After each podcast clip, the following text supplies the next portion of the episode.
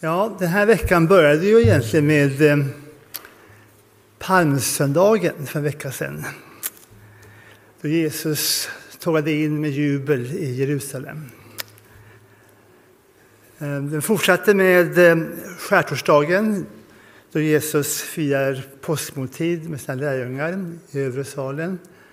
Då han eh, också eh, förråds då han kämpar sin kamp i Getsemane, då han eh, grips av vaktstyrkan och förs inför Stora rådet. Och den fortsätter med långfredagen i förrgår. Då Jesus ställdes inför Pilatus, Pontius Pilatus, den romerske ståthållaren. Eh, och sen blev utlämnad till att dödas på korset. Han dog på korset och begravdes.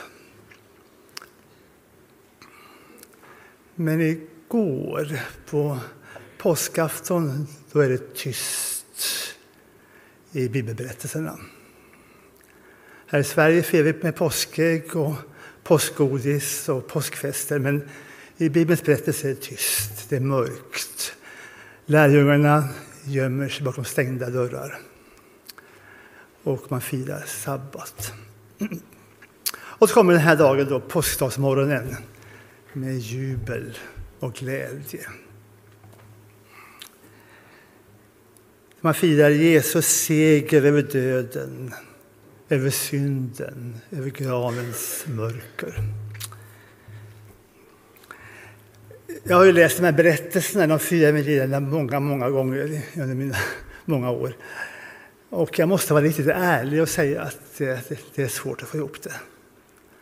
De är väldigt eh, förvirrande på många sätt. Och jag tror att den här förvirringen beror delvis på det kaos som rådde. Alltså, det var ju väldigt mycket överraskande och omvälvande händelser för de som trodde, lärjungarna och för kvinnorna. Men också spelar vi lite grann olika perspektiv som evangelieförfattarna har eh, på berättelsen. Man betonar olika saker och man, man lyfter fram olika saker. Men alla är överens om en sak. Och det är första bilden på min också. Nej, inte den bilden, men bilden före den. Att Kristus är uppstånden, det är alla överens om. Och att Graven är tom. Den andra bilden här. Den tomma graven. Jag tänkte börja med lite, lite kort egentligen bara påminna om de olika händelserna, de olika personerna i de här berättelserna. Vi har ju fyra berättelser om det som hände på påskdagsmorgonen i vår bibel. Matteus eh, kapitel 28, vers 1-11. Där är det två kvinnor, det är Maria från Magdala och Anna Maria, som kommer till graven i gryningen. Och I Matteus berättas det och bara där om ett jordskalv som skakade graven och öppnade stenen. Och en ängel kommer ner med i den här processen, sätter sig på stenen. Och vakterna blir livrädda, de svimmar. En del springer in till stan och rapporterar vad som händer, det är något på gång här. Och ängeln säger till kvinnorna Jesus är uppstånden. Och ser åt att gå in till stan och berätta det här för lärjungarna. Kvinnorna springer in till stan och på vägen möter de Jesus. De hyllar honom. Och Jesus säger åt dem att berätta för lärjungarna att han ska möta dem i Galileen. Att några lärjungar besöker graven nämns inte i Matteus evangelium. I Markus, det 16 kapitlet, vers 1-8, så är det tre kvinnor som kommer till graven. Maria från Magdala, Maria Jakobs mor och en kvinna som Salome de kommer tidigt på morgonen till graven med kryddor och kryddblandningar för att smörja Jesu kropp. Och de är bekymrade när de går där på vägen mot graven om hur de ska komma åt kroppen vem som ska hjälpa till med att få bort stenen från gravöppningen. Men de kommer fram till att stenen är redan bortrullad. Graven är öppen. De går in i graven och ser då att en ängel sitter där till höger. Och de blir rädda, men ängeln säger var inte rädda. Och så visar han dem att graven är tom. Och så säger ängeln åt kvinnorna att gå till lärjungarna och berätta för dem att Jesus, som han redan berättat för dem tidigare, kommer att visa sig för dem i Galileen. Och kvinnorna springer därifrån. De är så rädda att de inte berättar något till någon. Och sen kommer en lista på de uppenbarelser där Jesus visar sig för olika personer. En lista. Och så kommer berättelsen om en missionsbefallning och himmelsfärden. Ganska märkligt slut egentligen. I Lukas så är det flera kvinnor. De har följt Jesus ända från Galileen och nu varit med på, på korsfästelsen och begravningen. Och de har nu brett kryddor och smörja Jesus med och gått till graven tidigt eh, på morgonen. Kommer fram och ser att stenen är bortfältrad och att graven är tom. De undrar, vad har hänt? Plötsligt två änglar framför dem och kvinnorna blir rädda. Änglarna säger, varför söker ni den levande bland de döda? Han är inte här, han har uppstått. Kommer ni inte ihåg vad han berättade för er redan i Galileen? Att han skulle lida och dö och uppstå på den tredje dagen.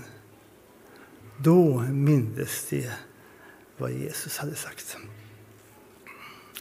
Kvinnorna återvänder från graven och berättar vad de varit med om för lärjungarna och alla de andra, men de blir inte trodda.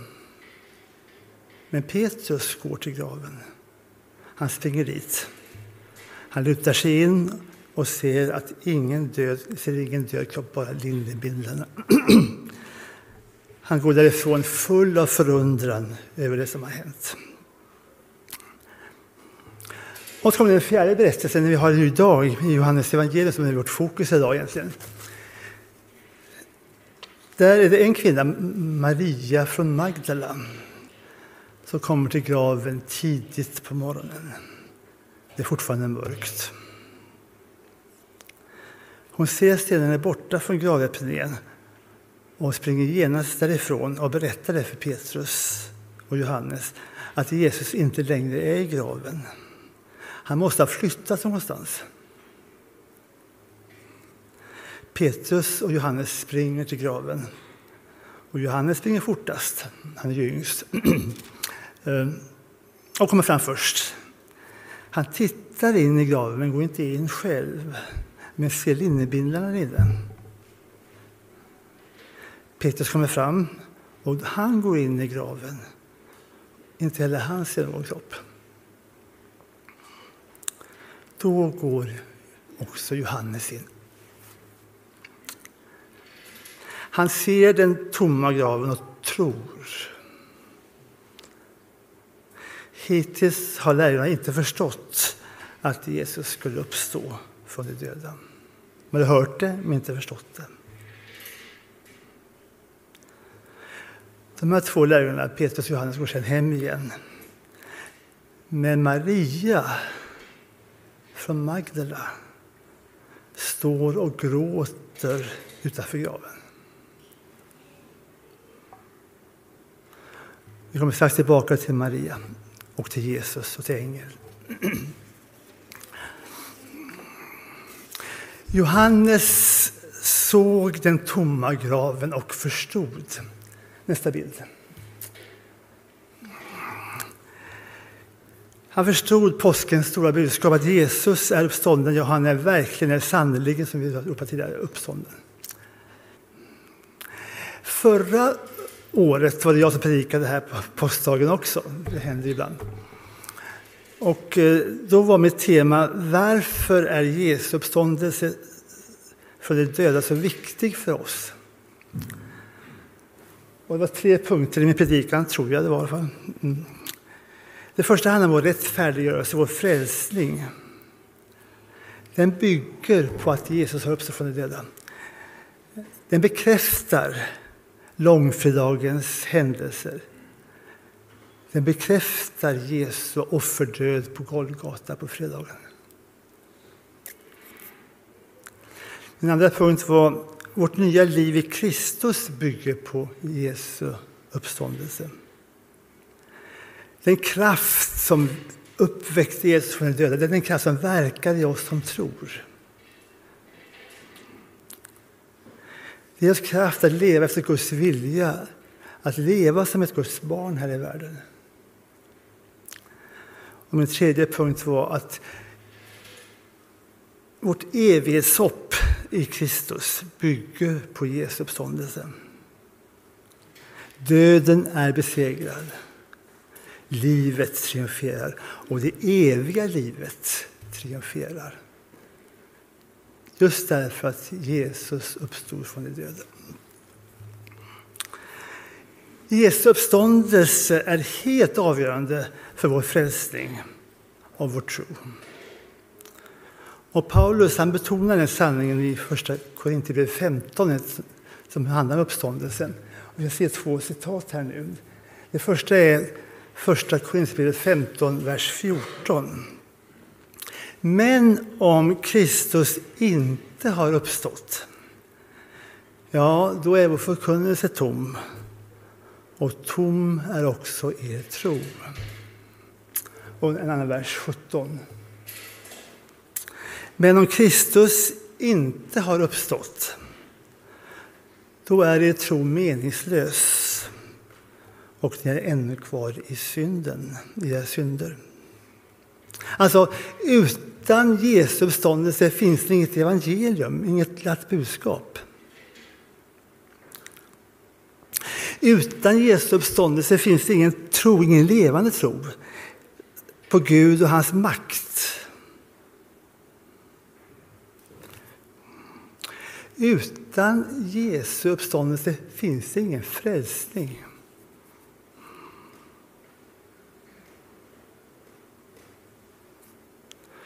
Och utan Jesu uppståndelse finns inget nytt liv. Inget liv tillsammans med Gud och Jesus och Guds församling.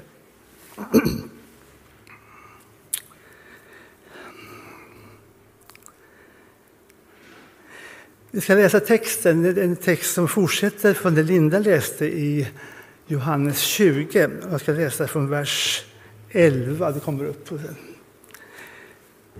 Men Maria stod och grät utanför graven. Gråtande lutade hon sig in och fick då se två änglar i vita kläder sitta där, där Jesu kropp hade legat. En vid huvudet och en vid fötterna. Och de sa till henne, varför gråter du kvinna? Hon svarade, de har flyttat bort min herre och jag vet inte var de har lagt honom.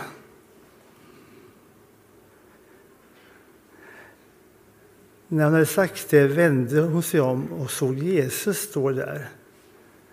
Men hon förstod inte att det var Jesus.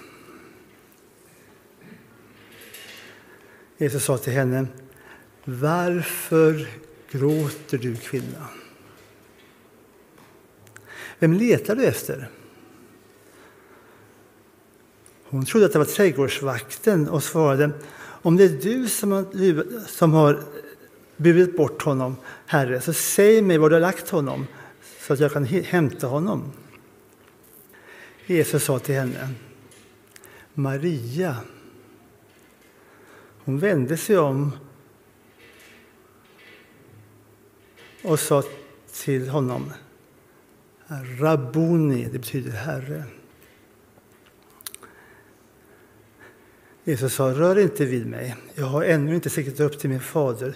Gå till mina bröder och säg till dem att jag stiger upp till min fader och er fader, min Gud och er Gud. Maria från Magdala gick då till lärjungarna och talade om för dem att hon hade sett Herren och att han hade sagt detta till henne.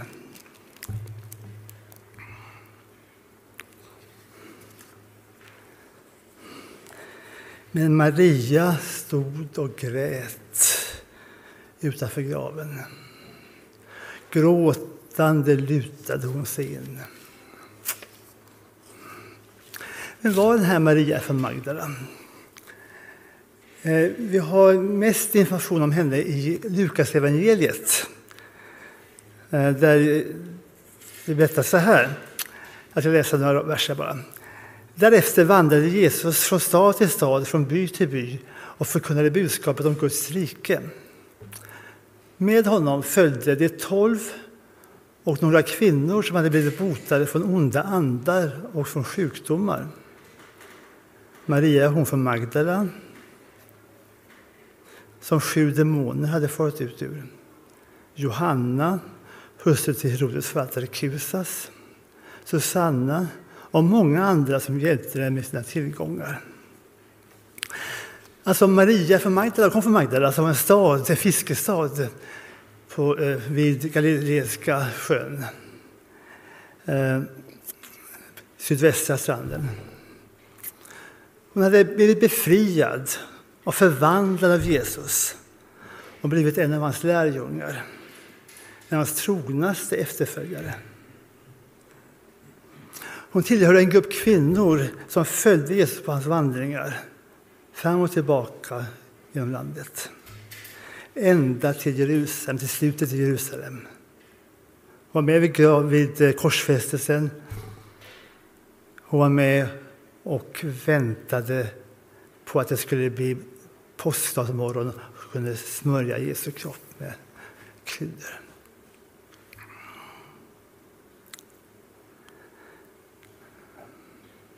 Och nu stod hon och grät utanför graven.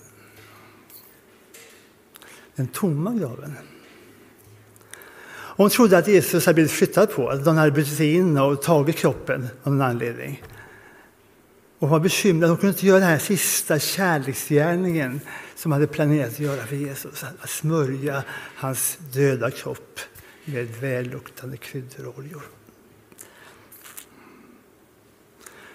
Gråtande lutar hon sig in i graven. Och där ser hon två änglar. Där Jesus borde ha legat. Och änglarna ser att hon gråter och frågar varför egentligen? Varför gråter du kvinna? Hon säger man flyttar bort min herre. Och jag vet inte var hon finns någonstans. Och då vänder hon sig om och får se Jesus. Men förstår inte att det är han. Hon tror fortfarande att, det är, att Jesus är död och lagd någonstans där i trädgården. Och hon ber den här mannen som hon tror är trädgårdsvakten om hjälp. Var finns Jesus någonstans?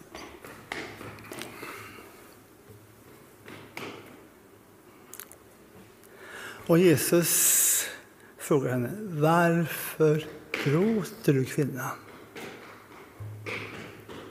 Vem letar du efter?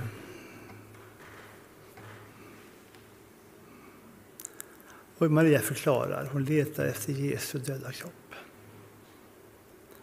Och då eh, vänder sig Jesus på allvar till henne och säger hennes namn, Maria. Och plötsligt så öppnas Marias ögon. Och hon ser att det är Jesus som står där. Rabuni, Herre, säger hon.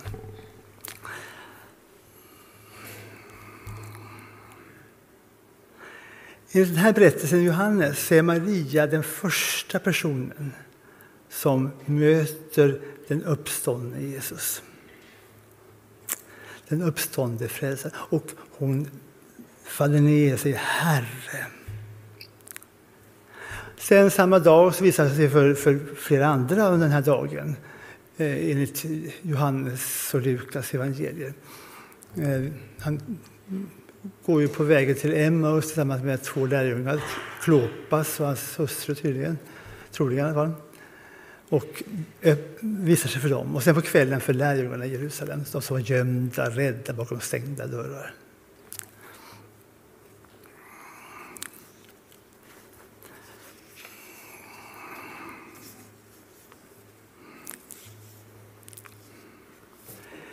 Jesus är verkligen, sannerligen uppstånden från de döda.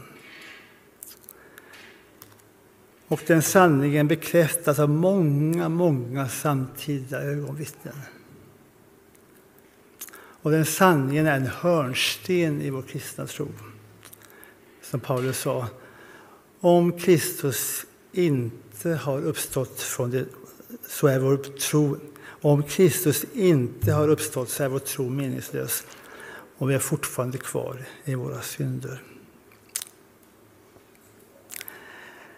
Ja, det här är en fantastisk berättelse, en av de allra vackraste tycker jag i evangelierna.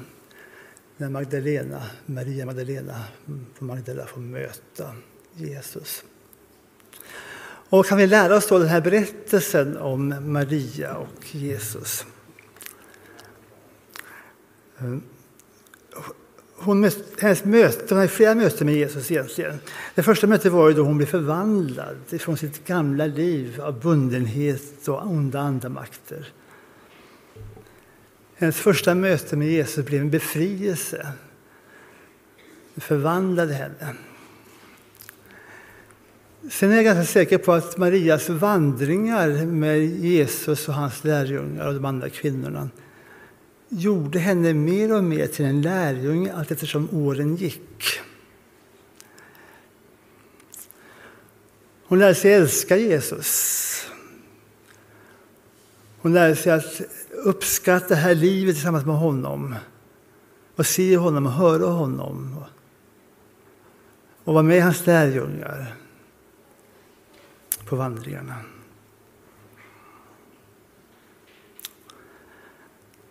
Och så tror jag att det här mötet vi läste om idag, hennes möte på påskdagsmorgonen, att det mötet med Jesus förvandlade hennes liv en gång till och fick en djupare insikt i vem Jesus verkligen var för henne och för hela världens frälsning. Det förvandlade hennes liv en gång till på ett djupare plan. För gravens mörker och tomhet och förtvivlan och hopplöshet så blev ens liv förvandlat till mening, ljus och mening, glädje och framtidshopp. Det var inte längre fråga om att hitta en död kropp och visa sin vördnad och behandla den. Utan nu fanns en levande frälsare, en frälsare som förde henne in i hela evigheten och härligheten och ljusets rike. Sista bilden här. Också våra liv förvandlas i mötet med Jesus och umgänget med hans folk och honom.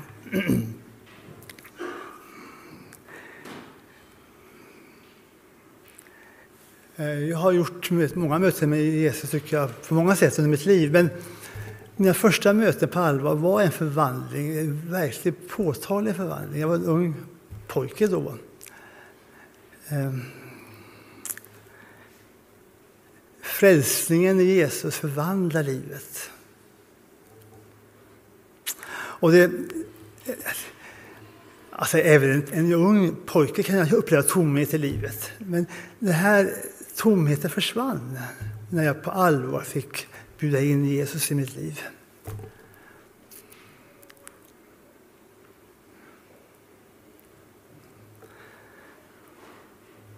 Förlåtelse för våra synder, frälsning och befrielse från ett liv av tomhet och bundenhet i mötet med Jesus.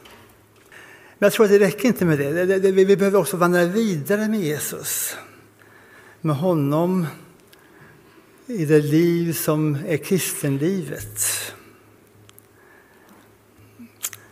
I ny gemenskap med hans folk. med Jesus, hans vänskap och med Guds folk, församlingens sammanhang. Det ger oss också mål och mening med livet.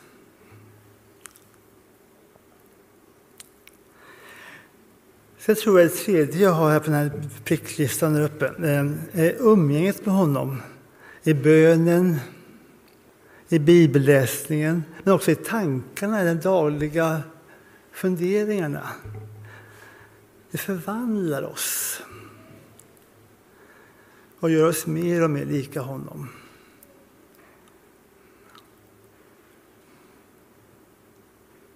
Han är ju vår Herre, vår Frälsare. Han är vår Rabboni.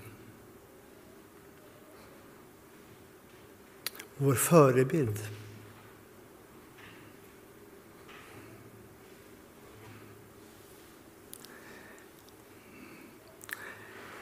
Jag tror att vi behöver göra nya möten med Jesus under våra liv. Det här med påtagliga, tydliga möten. Möten som öppnar våra ögon, som ger oss nya insikter, som, som påverkar oss, våra känslor och våra tankar.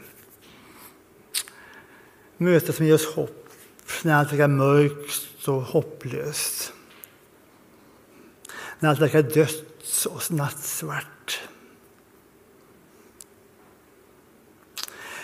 I våra liv behöver långfredagens plåga och mörker och död och hopplöshet bli påskdagsmorgonens bortvältrade sten.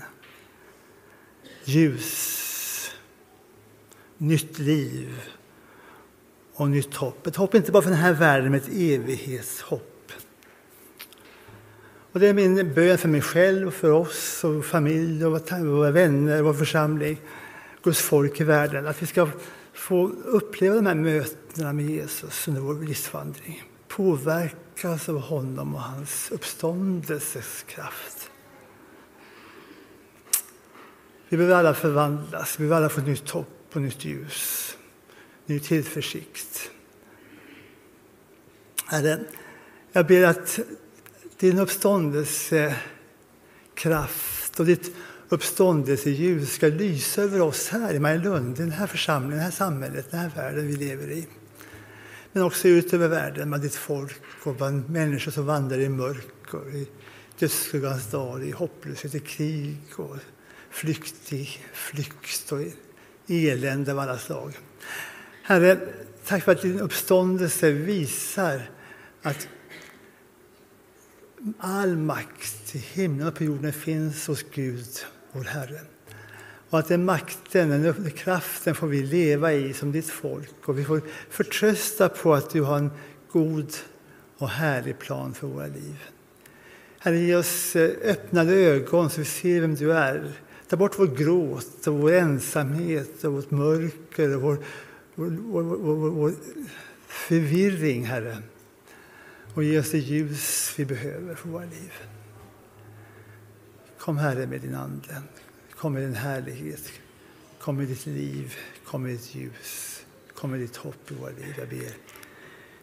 I Jesu namn. Amen.